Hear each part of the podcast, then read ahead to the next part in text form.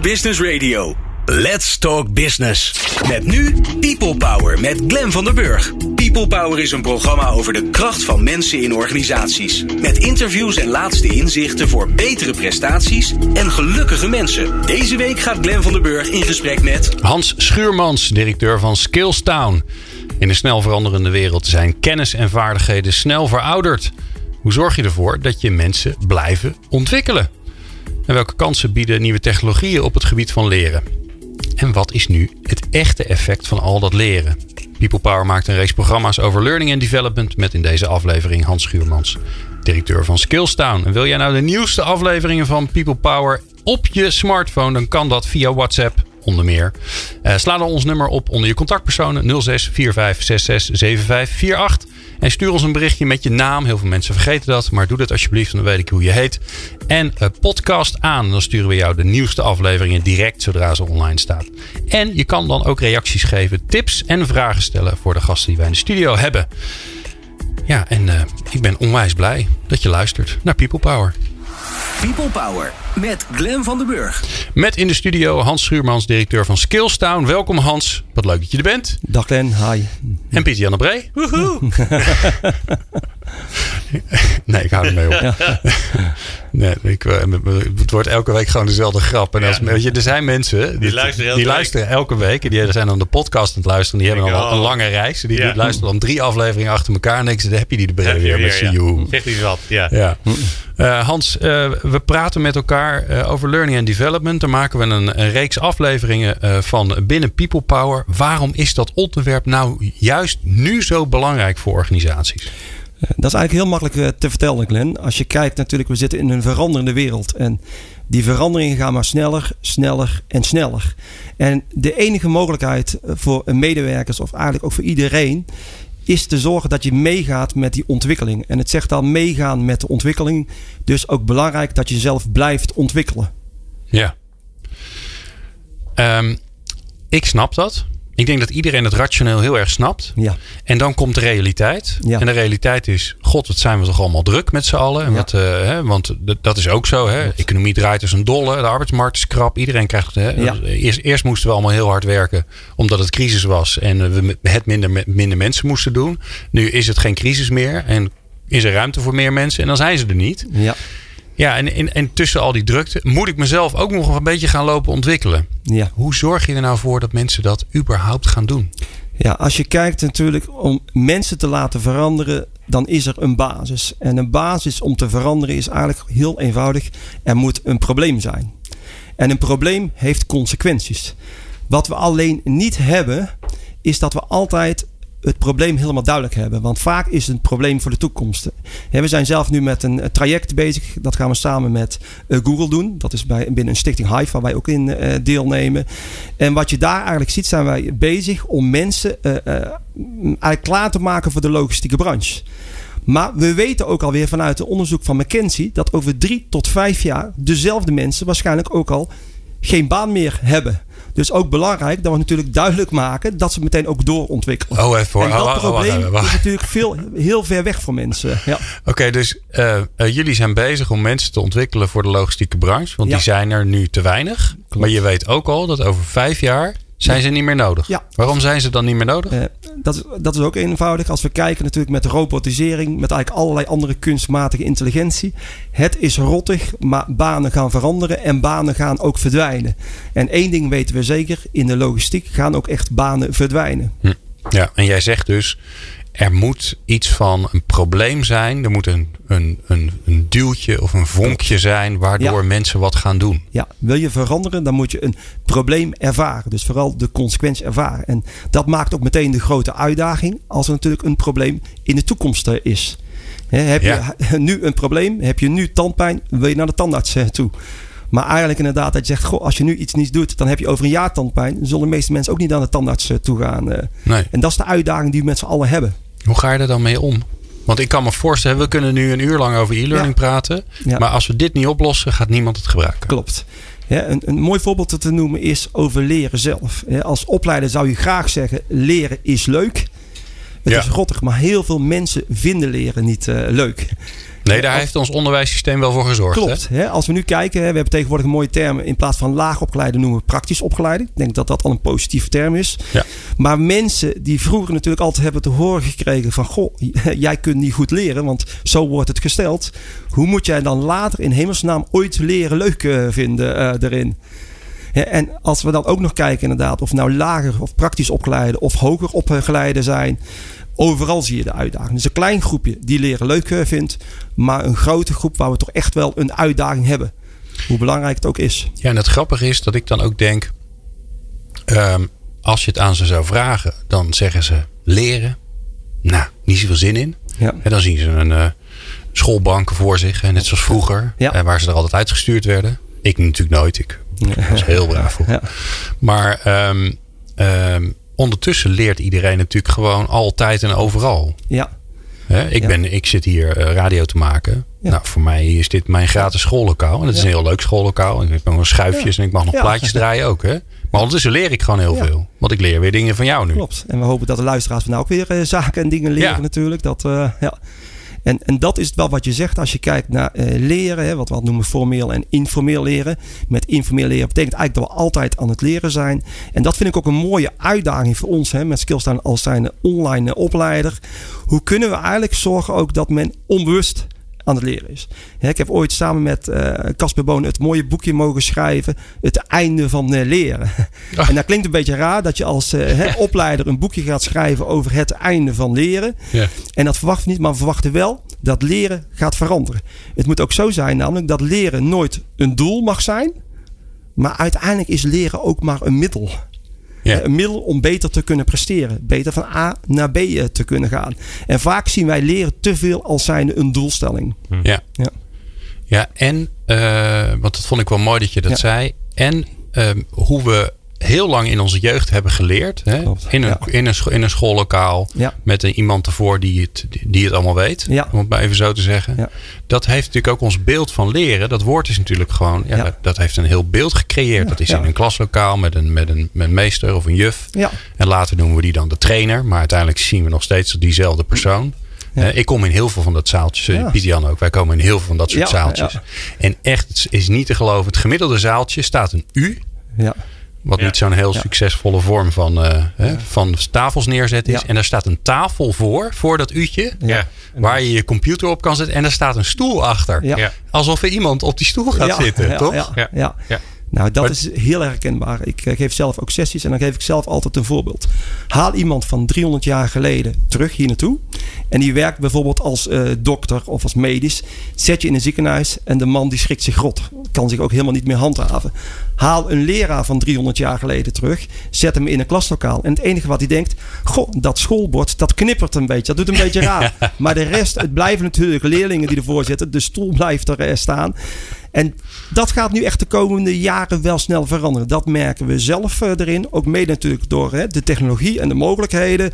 Maar we zien dat eigenlijk in iedere branche. Wat internet heeft teweeggebracht in andere branches. Zien we dat dat nu ook in enorm snel tempo gaat gebeuren. Natuurlijk met leren en ontwikkelen. Oké, daar gaan we zo naartoe. Ja, Nog even terug blijven bij, dat, bij, dat, hè, Ja. bij het, het, het eerste vonkje voor dat leren. ja, Helpen jullie je klanten daar nou ook bij? Ja. Want ik kan me, het lijkt me zo frustrerend als jullie iets prachtigs hebben gemaakt. Mooi portal Ja. en dan kun je van alles. En er wordt geen gebruik van gemaakt omdat, die, omdat het probleem niet scherp is. Ik, ik zou je zeggen, ik denk dat we dat als een van de eerste uitdagingen. Wij zijn natuurlijk al een tijd geleden begonnen. Eh, mooi portal, zoals je zegt. eh, mooie eh lerenoplossingen. En wij weten wat de praktijk is. Als je een, als organisatie start met een mooi portal, mooie leeroplossing, dan kunnen we precies aangeven: 15 tot 20 procent is enorm enthousiast. Begint de avond al meteen te leren, krijgt toegang en die blijven ook leren. Fantastisch. Ze vinden dat ze bij de mooiste werkgever werken. Dan heb je een groep tot zo'n 40, 60 procent. Die gaat er in het begin een keer in kijken. Die kijkt misschien nog een keer hè, na een paar maanden. Maar de meesten zijn eigenlijk al bijna vergeten dat ze dat hebben. En er is ook een groep, en dat is ook zo'n 15 tot 20 procent. Die geeft je toegang tot je nieuwe hè, leeromgeving. En die gaan er eens niet kijken. Alsof je een stapel boeken geeft en ze zeggen dankjewel. En ze lezen het niet. Ja. Dat is de praktijk. Nou, wat hebben wij zelf eh, gedaan erin? Wij hebben een payoff en die heet Waar leren werkt. Want het eigenlijk onbegrijpelijk. Want die 15, 20 procent die aan het leren eh, zijn... die hebben het waarschijnlijk ook het minst nodig. Het die deden andere toch al. groepen, ja, die deden Ja. toch wel. Formeel, CQ, informeel. Het zijn die andere groepen. En het unieke wat we nu zelf hebben eh, eh, gedaan, is dat we daarmee bezig zijn. Het concept van eh, de presterende organisatie.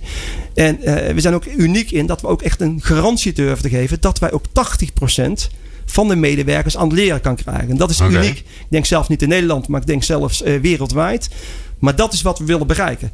Deel 2 waar we nu mee bezig zijn, is naast de mensen in de leerstand te krijgen, ook hoe kunnen we rendementen realiseren. Want uiteindelijk daar gaat het om. Het gaat er niet om dat je weer moet leren. Het gaat erom wat voor rendement haal je ermee. Wat zit erachter? Ja, wat zit erachter? Welk, welk businessprobleem los je op? Klopt. Ja, is die 80% afhankelijk van wat er geleerd moet worden? Of is dat überhaupt? Want dat lijkt me nog wel een claim. Ehm, als je kijkt op een gegeven moment 80%, en dat is wel mooi. Hè? Wij, wij noemen altijd de mooie term one size fits one. en wat houdt dat in? Dat we vooral aan het kijken zijn, kunnen wij een omgeving realiseren waar ieder individu zijn eigen leervorm kan kiezen. Dat is ook de reden dat wij heel veel verschillende leervormen aanbieden. Van e-learnings, we-learnings, essentials, dat zijn microlearnings. Hè, en, en onder andere ook scans en metingen. Maar dat je ook je eigen titel kan kiezen. Want wij zitten hier nu met een aantal personen en zullen veel luisteraars. Maar iedereen zal waarschijnlijk iets anders willen gaan eh, leren eh, erin. De ene zegt ik wil nog graag een taal. De andere zegt ik wil me bezighouden met time management. En dat is het wel het mooie wat wij in de omgeving kunnen bieden. Wij kunnen dat one size fits one eh, aanbieden. En dat geeft ook meteen een hoger rendement. Mooi. Nou, Ja. goedemorgen zeg. Ja. En als je die 80% nou niet haalt, hoeft de klant niet te betalen. Ja, wij eh, durven zelfs afspraken te maken. Hebben we met een aantal klanten ook gedaan eh, erin. Dat we dat aangaan. Ik moet even tegen de klant, tegen de luister, de klant moet mij horen. Ik ben Ja. heel verbaasd dat ik niet meer kan praten. Tegen de Ja. luisteraar zeggen dat ik nu een heel verbaasd gezicht opzet. Want dat is natuurlijk niemand. oh, Jeetje zeg, dat is nogal wat Klopt. zeg. Wat wij hebben, hè, ik, ik vertelde net even over die drie groepen. Die ene groep die leert. Die leert overal mee. Het maakt niet uit wat voor bibliotheek je heeft. De tweede groep, daar hebben wij het format, het concept om die lerend te krijgen. Dat weten we exact. Maar de derde groep, ook daar zijn we eerlijk in, dat is ook nog steeds een uitdaging. En waarom is dat een uitdaging? Dat kan een individuele reden zijn. Hè, ik weet dat we nog een aantal jaar geleden dat iemand niet met internet, ja, dan kun je niet met online cursussen werken. Die is gelukkig weg. Maar er kunnen andere weerstanden eh, zijn. En daar speelt het management ook een grote rol in. Dus voor ons is die eerste groep altijd makkelijk, wat de meeste. De tweede groep zijn wij afgelopen jaren in geslaagd en daardoor durven wij ook die garantie te geven. En de derde groep blijft voor ons een mooie uitdaging om te kijken wat we kunnen bereiken. We streven naar 100%, hè, altijd, maar dat zal een streven eh, blijven. Hè, maar ik denk wat we nu bereiken is mooi. En de tweede laag die we hebben, die we eigenlijk minimaal zo belangrijk. Hoe kunnen we ook zorgen dat het duidelijk wordt in het rendement? Jo, luistert naar Hans Schuurmans, eh, directeur van Skillstown. Hans, volgens mij ben je niet zo enthousiast over je eigen bedrijf. ik, eh, ik had een hele leuke uitzending voorbereid om het over e-learning te gaan hebben. Dat gaan we, ik heb net besloten, dat gaan we helemaal niet doen. We gaan het, eh, we gaan het hebben aan hoe je aan die 80% komt. Ja. En hoe je dat dan doet, dat hoor je zo. People Power. Inspirerende gesprekken over de kracht van mensen in organisaties. Met Glen van der Burg. Hans Schuurmans is in de studio, directeur van Skillstown. En eh Pieter Jan Brees, mijn fijne eh, co-host. En ja, ik had me eigenlijk voorgenomen om... eh, want als je kijkt naar het bedrijf van Hans, naar Skillstown... dan is dat een leverancier van e-learning, om het maar even plat te zeggen.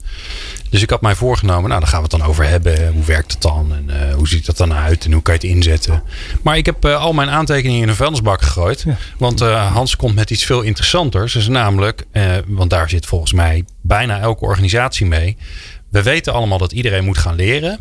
We weten dat het nodig is om je door te blijven ontwikkelen, omdat de wereld aan het veranderen is. Alleen het grote probleem is, hoe krijg je nou dat mensen dat daadwerkelijk ook gaan doen? Want hè, het alternatief, niks doen, is een heel aantrekkelijk alternatief. Want het kost je namelijk geen energie.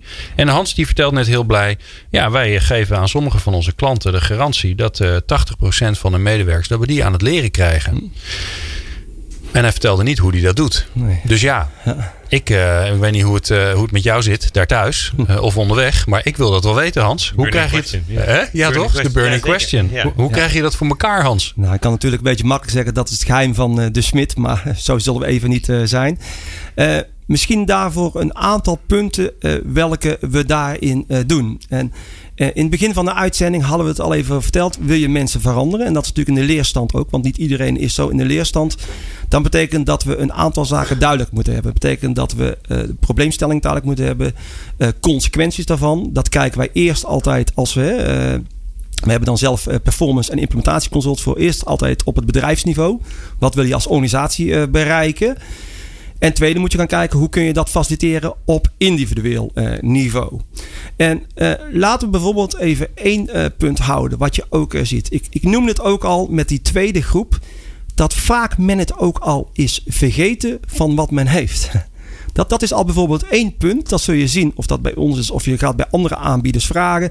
En je zou als uh, organisatie weer even vragen dat heel veel medewerkers ineens niet weten dat ze eigenlijk over een mooie academie beschikken met leuke lerenoplossingen. Uh, nou, een heel belangrijk punt is om te zorgen dat je meteen vanaf het begin communicatie in het beleid uh, toepast erin.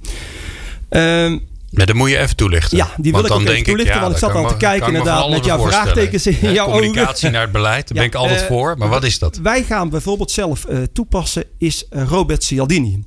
En voor de uh, kijkers die, of luisteraars moet ik zeggen, want kijkers is een beetje moeilijk naar radio, maar die uh, Robert Cialdini niet kennen. Hij is een managementguru waar eigenlijk zijn uh, boek beïnvloeden al echt, echt, bijna al tientallen jaren eigenlijk in top 10 van best belezen boeken staat. Ja. En wat zegt Robert Cialdini? Om je uiteindelijk inderdaad mensen te overtuigen te beïnvloeden, kun je een aantal regels toepassen. En die regels zijn normaal gesproken altijd voor marketing, reclame. Maar wij passen ze ook altijd toe in het beleid om mensen te overtuigen. Een voorbeeld uh, noemen. Een van die regels is schaarste. Wat wij doen met een aantal organisaties, dan realiseren wij een zomeracademie. Het rare is als jij namelijk een academie hebt met de leeroplossing en je weet dat ze eigenlijk altijd voor jou van toepassingen zijn, dan krijg je uitstelgedrag. Ja. heel makkelijk, oh, dat kan ik nog wel een keer doen. En bij de meesten komt er dus nooit van. Ga je in een zomeracademie een bepaalde tijd en ga je communiceren. En men weet nog van, goh, deze toepassing, deze leeroplossing, die heb ik nog een week, twee weken. Zul je zien dat mensen wel al in bewegingstand komen. Niet allemaal, het gaat ook niet dat je overal, maar dat zeker. Een tweede wat we ook heel erg toepassen, ook van Zialdini, is autoriteit. Het mooiste met online leeroplossingen is dat je iedereen de beste docenten kan geven. Dat is een hele belangrijke erin. dus dat je kijkt vanuit welke onderwerp kun je kijken wie daar ook het beste in is. Eh. Ja, ja. Dus stel je voor dat jij uh, een, een online leeroplossing wil maken over beïnvloeding. Dan zou je zeggen, wie is daar de expert? Cialdini. Wij gaan die man regelen. Nou, wij hebben bijvoorbeeld wel eh, gemaakte erin. Maar in Nederland hebben we eigenlijk alle experts, precies zoals je zegt, innovatie. Een Jeff Albus van Nijenrode uh, erin. Hè, onlangs hebben we heel mooi met Marco Buschman, Verbindend Vermogen, wat hè, in de top uh, van de managementboeken heeft staan, ja. hebben wij samen ook een webinar opgemaakt. Dus het betekent dat je de mogelijkheid hebt om met autoriteiten uh, te werken. En dat trachten wij ook zoveel mogelijk te doen. Want wat is mooier inderdaad ja. om ook samen met zo'n autoriteit ook een leeroplossing te maken. Okay. Een derde wat ik nog even noem, ook een hele belangrijke erin, is sociale bewijskracht. Mm uh, ik kan heel erg enthousiast nu over Robert Cialdini. En dan denk je, goh, ik moet dat boek ook lezen. En zo zitten wij in elkaar. He, ik heb de laatste uh, keer ben ik begonnen aan een boek Scale Up, heel mooi. En waarom ben ik dat gaan lezen? Omdat iemand anders tegen mij zei van, goh, een fantastisch boek. Heeft me overtuigd en ik ga het lezen. Maak ook gebruik van sociale bewijskracht. Ja, en hoe doe je dat dan? Uh, sociale bewijskracht is ook weer uh, delen van ervaringen uh, erin. Okay. Zorg in dat hè, een autoriteit is leuk van buitenaf, maar zorg waar je successen, zorg dat je contact houdt met hè, de medewerkers en deel successen erin en waarom ze dat ook leuk vinden erin. Ja, ja dus je stimuleert, boek, je, je, stimuleert mensen die al die die e-learning, die online learning gedaan hebben, om te zeggen ik heb hem gedaan. Harry, jij moet hem ook echt doen. De Klopt. echt wat voor jou. Ja, ja, hè, eh, we kunnen het ook noemen als een soort leerambassadeurs. Dat kun je helemaal formeel maken, maar je kunt ook gewoon een gebruiker maken. Maar een hele belangrijke. Ja. Hè? En hoe geef je dat dan vorm? Want je hoopt dat dat ontstaat. Ja. Hè? Maar hoe kun je dat nou een duwtje geven? Nou, het, het voordeel is altijd als je van start gaat, dan is het grootste enthousiasme gaan de meeste van start. Maak ook van dat moment om meteen ook door te pakken. Want dan heb je genoeg mensen die of de eerste keer of tweede. Maar je moet wel meteen doorpakken. Dus daar moet je ook meteen in beginnen. Een tweede wat wij ook uh, uh, uh, aangeven. Maken beleid. Laat ik even communicatie vergeten. Maar wij noemen het wel eens even... Ehm, een soort PE, maar dan corporate PE's. PE staat voor permanente educatie. Mm -hmm. ik had hier met iemand die naast mij zat ook even nog een gesprek net. En dat ging over de zorg. In de zorg is het heel makkelijk om uh, een, een, een, grote uh, leerstand te realiseren. En waarom? Zij moeten verplicht PE-punten halen. Ze moeten Ja, verplicht. anders mogen ze hun werk gewoon niet Anders mogen ze niet. Nee. Dat, dat is een mogelijkheid. Aan de andere kant kun je ook met corporate PE. Dus dat betekent dat je eigenlijk het systeem ook voor je organisatie zelf op kan eh, zetten. En ook daar gaat kijken, jongens, hoe kunnen we zorgen dat mensen in leerstand, maar ook een afspraak maken. Want soms is een stok ook wel eens een keer noodzakelijk. Ik vond altijd vroeger eh, eh, moeilijk om dat te zeggen. Want ik denk, goh, iedereen moet uit zijn eigen vrijheid dat doen. En toch hebben wij wel gemerkt, en we noemen dat niet verplichting, maar wij noemen het professionele afspraken. Als je die maakt, dan niet alleen de professionele afspraken worden opgevolgd, maar mensen raken in de leerstand en gaan daarnaast ook andere Mhm. online cursussen volgen eh, erin. En, dus- en, en wie eh, komt dat dan bijvoorbeeld terug in de performance review? Dat de manager zegt: Nou, weet je, ik heb eens even gekeken. ja. Ja, maar je hebt niet zoveel gedaan aan je eigen ontwikkeling, want eh dat kan ik gewoon zien in het systeem. Klopt. Hè. Je hebt natuurlijk hè, een leermanagement systeem. Dus je kunt het verder volgen, het monitoren, het bevorderen. Ik denk dat dat altijd belangrijk is om op organisatieniveau te kijken. Jongens, hoe ver zijn we? Welke stappen hebben we gemaakt? Wat is succesvol? Daarnaast kun je op een niveau, op een afdeling, kan een manager ook kijken. En die manager, zei ik ook al, die speelt een hele belangrijke rol. Omdat wij zoveel organisaties hebben, hebben wij ook heel veel onderzoek kunnen doen. Waarom binnen een bepaalde organisatie wel heel veel werd geleerd en bij een andere niet eh, erin. Nou, dat is informatie die we graag ook daarin delen.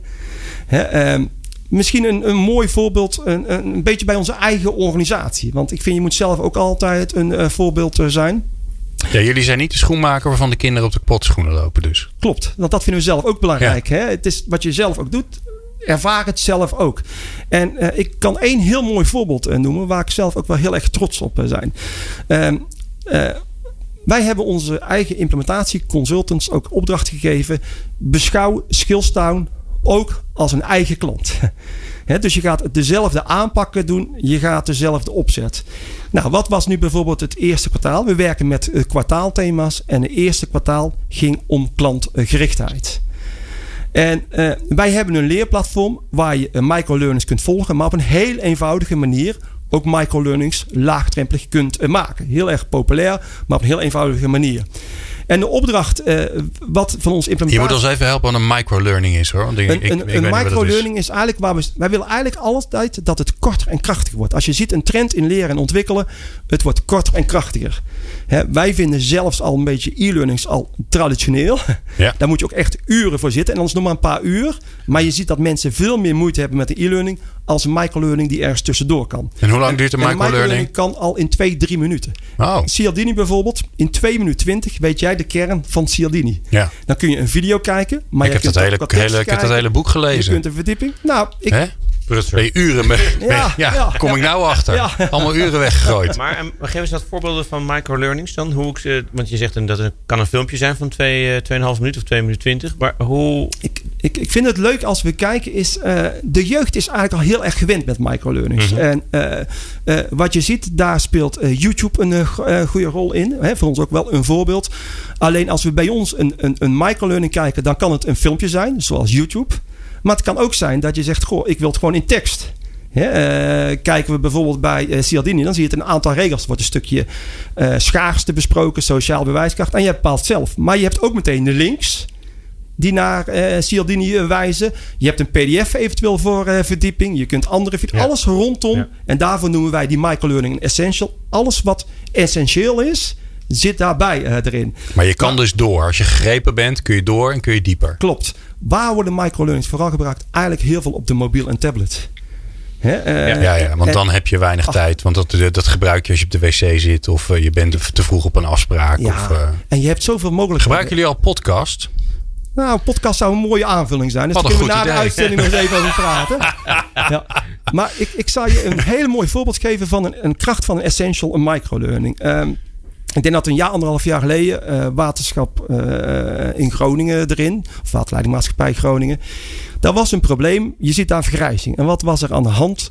Twee personen zouden eigenlijk binnen drie, vier maanden de organisatie gaan eh, verlaten. Maar het waren precies de twee personen die de kennis en ervaring hadden om putjes te kunnen verhogen.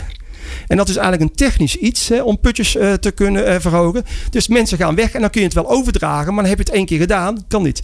Ze hebben gevraagd of wij als Skillstown daar een essential van kunnen maken. Dus wat zijn wij gaan doen? Wij hebben eigen camerateam. Wij hebben een mooie hè, uh, instructie video gemaakt. En wat andere zaken erbij. En ik ben echt totaal onhandig. Maar ik durf met die essential een putje te verhogen. Echt waar? Omdat de kracht van video zit daar ook in. Dat je het stap voor stap ziet uh, erin. Ja. En zo maak je ook gebruik bij Excel, bij Word, bij eigenlijk allerlei andere zaken. Mag ik wat vragen? Nee, want we praten zo verder met. Uh, sorry, uh, Piet. Ja, ja ik, ben, ik, ben, uh, ik, ik, ben van het time management in dit programma. we praten zo verder met Hans Schuurmans. En ik kan je vertellen dat er is iemand die hem straks een vraag gaat stellen. En dat is Pieter Jan de Bree. Maar we gaan zo eerst naar onze fantastische, leuke columnist. die één keer in de maand een column doet. En dat ben ik namelijk zelf. People Power met Glen van den Burg. Meer luisteren? people-power.nl Afgelopen week werkte ik met mijn companen Annette van Waning en Pieter Jan de Bree aan de strategie van ons bedrijf People Power. Dat heet niet voor niks hetzelfde als dit programma. Waarom we doen wat we doen is wel helder. De wereld verandert snel en ingrijpend, waardoor organisaties veel R moeten worden. R? Ja, innovatief ver, klantvriendelijk care, creatief ver, wendbaar der, zorgzaam er, enzovoort. Oftewel heel veel R. En hoe krijg je dat voor elkaar? Door het grote potentieel aan energie en talent bij mensen te bevrijden. Daar geloven wij in. Onze kroegsessie ging over de vraag welke rol spelen wij daar dan eigenlijk in? In de afgelopen jaren hebben we een keur aan opdrachten voor mooie klanten gedaan, maar welke lijn zit daar nu eigenlijk in? Al pratende over alles wat we hebben gedaan, stelde Annette van Waning mij ook de vraag: wat vind jij van alles wat je doet nou eigenlijk het leukste om te doen? Tja, Meestal is het in bijeenkomsten, workshops en lezingen juist mijn taak om die vraag te stellen. En toch blijft het altijd een lastige vraag, waar steeds weer net een ander antwoord op komt. Marcus Buckingham schreef tien jaar geleden het boek Go Put Your Strengths to Work, waarmee hij een van de aanvoerders werd van de sterke punten benadering. De filosofie is eenvoudig uit te leggen. Als ontdekt de dingen waar je je sterk bij voelt, ga die dingen meer doen en ga de dingen die ervoor zorgen dat je je zwak voelt minder doen. Klinkt eenvoudig, maar gezien de functiebouwwerken en het competentiemanagement van de afgelopen decennia is het een doorbraak. Zo kun je ervoor zorgen dat mensen die enorm klantvriendelijk zijn van zichzelf, daar meer tijd aan kunnen besteden. Terwijl mensen die zich sterk voelen bij innovatie, daar meer energie in stoppen. Zo maak je van een 7 een 9 op beide terreinen, in plaats van alle energie die je stopt in het opkrikken van een 4 naar een 6. Buckingham daagt ons wel uit om verder te gaan dan algemene kwaliteiten als teksten schrijven of bijeenkomsten begeleiden. Hij vraagt je om jouw sterke punten specifiek te maken door vier vragen te beantwoorden. 1. Is het belangrijk waarom ik deze activiteit doe? 2. Is het belangrijk met wie ik deze activiteit doe? Voor mij geldt dat natuurlijk wel, want ik doe dat het liefste met Pieter Jan de Bree. Is belangrijk wanneer ik deze activiteit doe? En is het belangrijk wat deze activiteit precies is. En zo maak je datgene waar jij je sterk bij voelt veel specifieker en kun je dus betere keuzes maken. Terug naar de vraag van Annette aan mij. Wat vind je het leukst om te doen? Ik vind het bijzonder leuk als een klant een vraag stelt waar ik een antwoord voor kan bedenken. Dus bijvoorbeeld, ik heb een team dat een manier van werken niet zelf verbetert. Daar word ik blij van. Ik ga dan in gesprek met de opdrachtgever achterhalen hoe het team in elkaar zit. Welk gedrag hij of zij graag zou willen zien, wat er al geprobeerd is enzovoorts. En tijdens het vragen stellen ontstaat een beeld en een eerste idee van een oplossing. En dan ga ik legoen. Alle kennis, ervaring, werkvormen, verhalen, praktijkvoorbeelden, mensen in mijn netwerk zijn Lego-blokjes waarmee ik oneindig veel oplossingen kan bouwen. En ik ga dan op zoek naar die oplossing die past bij deze klant en bij deze vraag. Oh, zeiden mijn fijne companen, je bent dus een soort ontwerper. En daar was het prachtige inzicht van dit gesprek. Een woord dat past bij wat ik doe en bij wie ik ben. Een woord waar ik zelf nooit opgekomen zou zijn, omdat mijn beeld van een ontwerper heel anders is. Dan denk ik aan Marcel Wanders of Philip Stark, die prachtige stoelen, kandelaars en andere gebruiksartikelen maken. Maar het past mij wel, ontwerper van bijeenkomsten. Want als ik dat doe, dan voel ik me sterk. En wanneer voel jij je sterk? Laat de vraag je weer eens stellen door iemand die je vertrouwt. En dan zul je erachter komen dat je waarschijnlijk weer met een nieuw antwoord komt. People Power. Inspirerende gesprekken over de kracht van mensen in organisaties. Met Glen van der Burg. Hans Schuurmans is in de studio, directeur van Skillstown. En we praten over uh, ja, het, is, het is ondertussen zo groot en meeslepend geworden. Hè, dat ik, ik, ik wilde gaan zeggen, praten over e-learning, maar daar hebben we het helemaal niet over. Nee. We praten over, over leren en, en hoe dat werkt en waarom dat werkt. En vooral hoe je kunt zorgen dat mensen gaan leren. Ja. En voordat ik begon aan mijn column, toen wilde Pieter Jan heel graag een vraag stellen. En als hij een vraag wil stellen, dan is dat meestal een hele goede vraag. Dus ik ben benieuwd. Ja, doordat jij, wat jij allemaal vertelde Hans, was ik heel benieuwd of jouw denken over wat leren nou eigenlijk is, nou veranderd is. Een hele mooie vraag. Toen wij eh, begonnen uh, was inderdaad onze doelstelling leren. En ja, dan ga je eigenlijk verder kijken en dan wordt het wel heel snel duidelijk dat leren nooit een doelstelling is, maar een middel. Hè, want je wilt presteren. En ik ben daar heel erg ook geïnspireerd door een, een wetenschapper die in 1885 iets heeft ontdekt en uh, iets heeft bewezen waar we nu nog niet aan twijfelen. En het mooiste, die wetenschapper die heette Herman Ebbinghaus. En hij heeft iets bewezen met het meest dramatische en slechte onderzoek ooit. Want er was maar één proefpersoon en dat was Herman Ebbinghaus zelf. en wat hij, wat hij heeft bewezen, en even misschien een beetje schokkend ook voor de luisteraars maar wij vergeten. Hij heeft bewezen dat wij vergeten. En hij is hè, bekend van zijn vergeetcurve. En dat betekent dat we eigenlijk ook wat we nu vertellen over drie weken. zal ook de luisteraar zich misschien maximaal nog 8% herinneren. En als je dat gaat beseffen, dat we eigenlijk met het leren 92% verspilling hebben. Nou, ik ken geen enkel ander proces waar 92% verspilling is. En dat was wel mooi, want ik denk dat het aantal jaren geleden dat we zeiden: jongens, moeten wij ons altijd als opleider met die 8% bezighouden? Of zijn er mogelijkheden? En zeker nu anno 2018, om te kijken dat we het op een andere manier. En dat, die zijn er zeker. Want als je wilt presteren, kan leren een optie zijn. Maar er zijn veel meer andere opties. Zoals? Uh, performance support. En performance support betekent eigenlijk dat jij in een proces meteen wordt ondersteund. Ah. En een voorbeeld die ik net ook al uh, uh, noemde erin, is bijvoorbeeld binnen Excel. Ik weet dat ik nog, denk een jaar of zeven, acht geleden, dat ik nog een Excel-cursusje volgde. En ik was best wel al bekend met Excel. We zaten met uh, 10, 12 personen in de klas. En waar begint een Excel-cursus? Natuurlijk, dit is een rij, dit is een kolom, dit is cel. Ja. En van die 10 personen, acht, die waren ook wel bekend. En denk, oh jee, natuurlijk moeten we hier beginnen. Maar twee waren nog niet bekend. En na een kwartiertje vraagt iemand van, hè, en enkel van die twee, van goh, ik snap die cel niet. En we waren aan het uitleggen. Nou, als we nu kijken met eh, Excel en met microlearning, als ik een, eh, een datumfilter in draait ik wil het niet meer leren, ik wil het meteen kunnen toepassen. En dat is het mooiste wat je met performance support. Je hebt de mogelijkheden. Maar hoe ziet dat er dan uit? Want uh, wat, ik, wat, ik, zou doen, ik zou op help drukken en dan ga ik zoeken. Maar dat is het dus niet. Nee, nee, nee, nee. Je kunt dat ook doen. Dat is ook een uh, mooie manier. Wij maken microlearnings waar eigenlijk wordt voorgedaan hoe die handelingen werkt uh, erin. Ja, ja, ja. En nu weet ik even niet of ik die waterleidingmaatschappij net even tussen de pauze heb verteld. Nee, nee, die heb je in de uitzending. Ja. Nee, hij zat erin. Hij zat erin. Hij zat erin. Ja, hij zat erin met de putten die omhoog gingen. Ja, ja zeker. Het is even. ja. Ziet ook mijn uh, Ebbinghaus vergeetcurve slaat soms toe. Ja, nee, dat gaat, uh, gaat, uh, je hebt gelijk bewezen dat het waar is. Dat is wel mooi. 10 minuten en even ja, vergeten. Maar even die waterleiding even weer pakken. Hè, want die, die stel je voor, ik, ik, ik, ik werk daar. Ik kom aan bij zo'n put. Ja. denk, ja, die moet omhoog. Ja.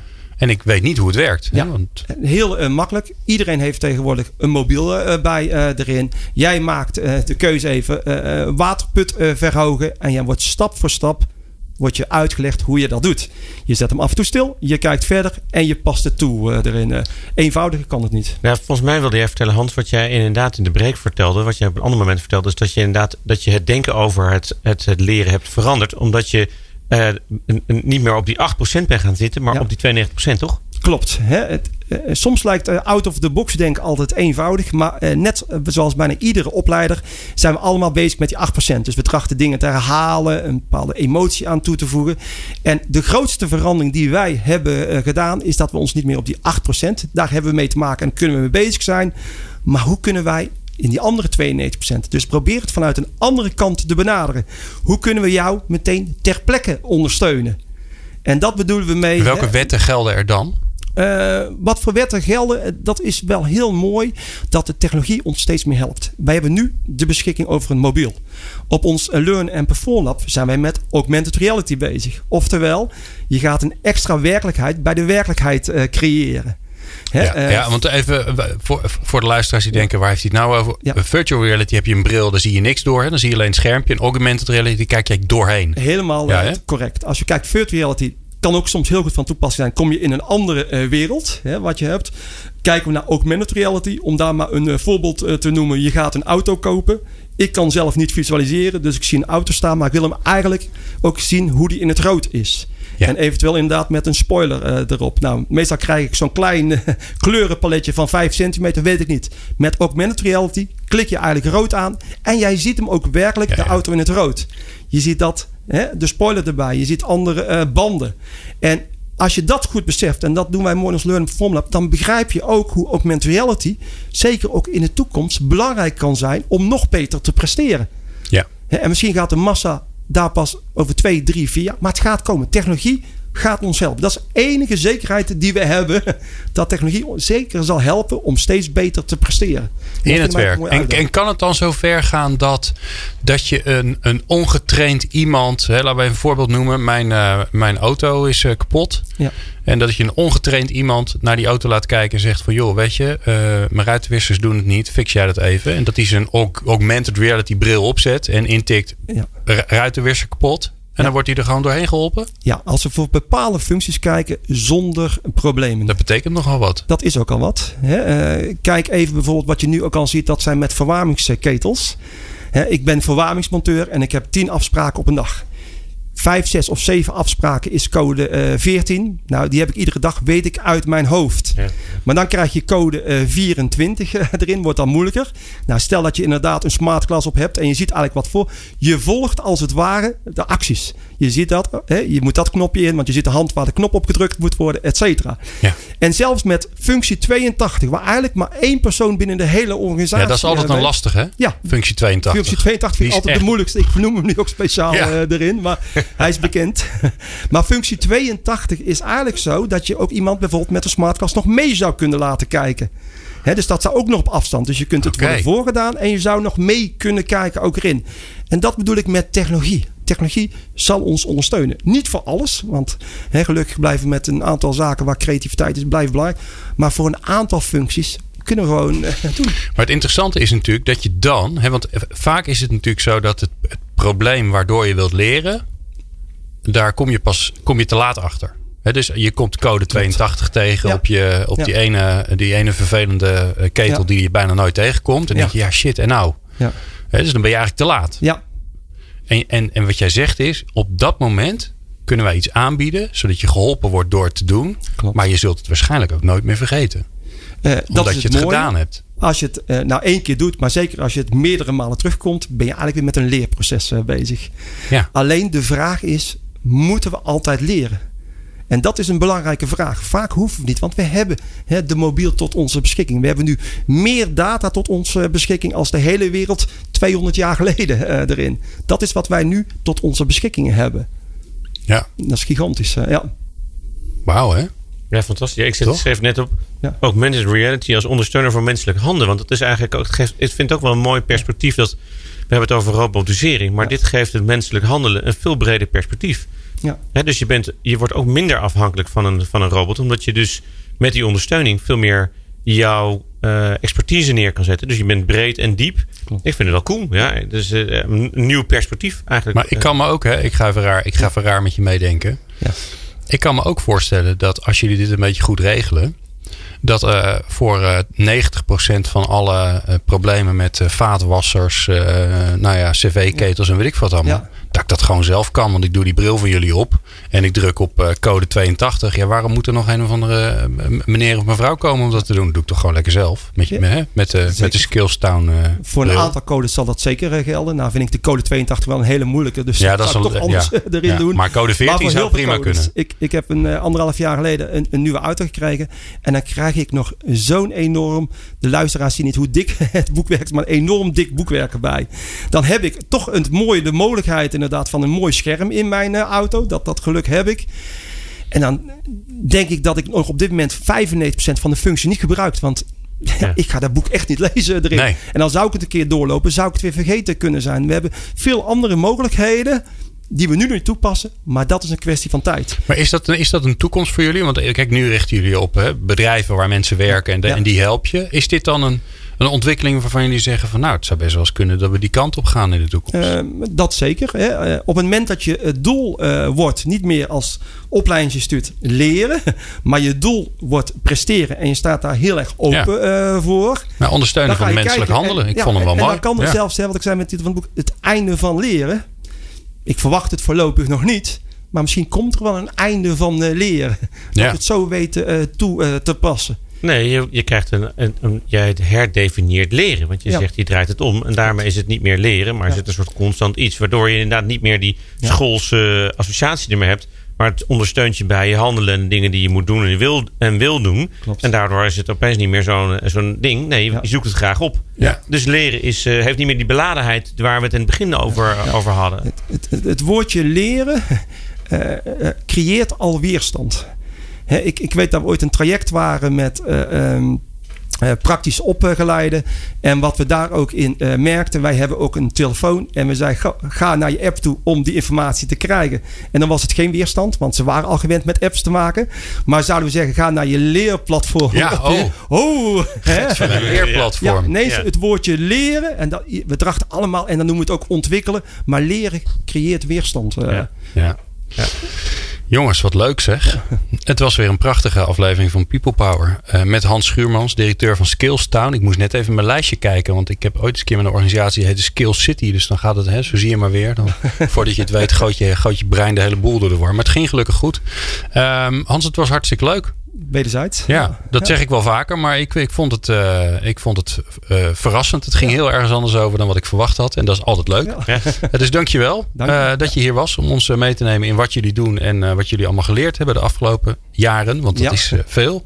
Eh, volgens mij waren je collega's hier in de uitzending zes of zo. Van de, en ondertussen van zitten we in de eerste. 178. Ja. Dus hè, we, hebben nog, we hebben een beetje content gemaakt ondertussen. Ehm, dus dankjewel Pieter Jan. Fijn dat je er was. Eh, wij zijn er volgende week weer. En als je dit luistert eh, via de podcast, dan denk je, huh, volgende week. Wij zijn er in de volgende aflevering weer van People Power. En dan is het weer tijd voor change. Want Jeroen Buescher is er dan en die ontvangt het Saxion College. En die gaat met hem praten over hun veranderuitdaging. En dat hoor je in de volgende aflevering van People Power. Kun je nou niet wachten? Dan ga je naar peoplepower.radio. En daar kun je alle 178 ongeveer uit uh, afleveringen kun je beluisteren. Dat kan ook via Spotify, via iTunes en alle andere platformen. En wil je, wil je weten hoe het werkt? Dan ga je naar onze e-learning. We hebben op de, op website hebben we een linkje staan. En dan kan je precies, uh, wordt er voor je uitgelegd hoe, welke knopjes je moet drukken om te zorgen dat je kunt luisteren. Tot de volgende keer. En wat ongelooflijk fijn dat je luisterde. Meepraten of meer programma's? people-power.nl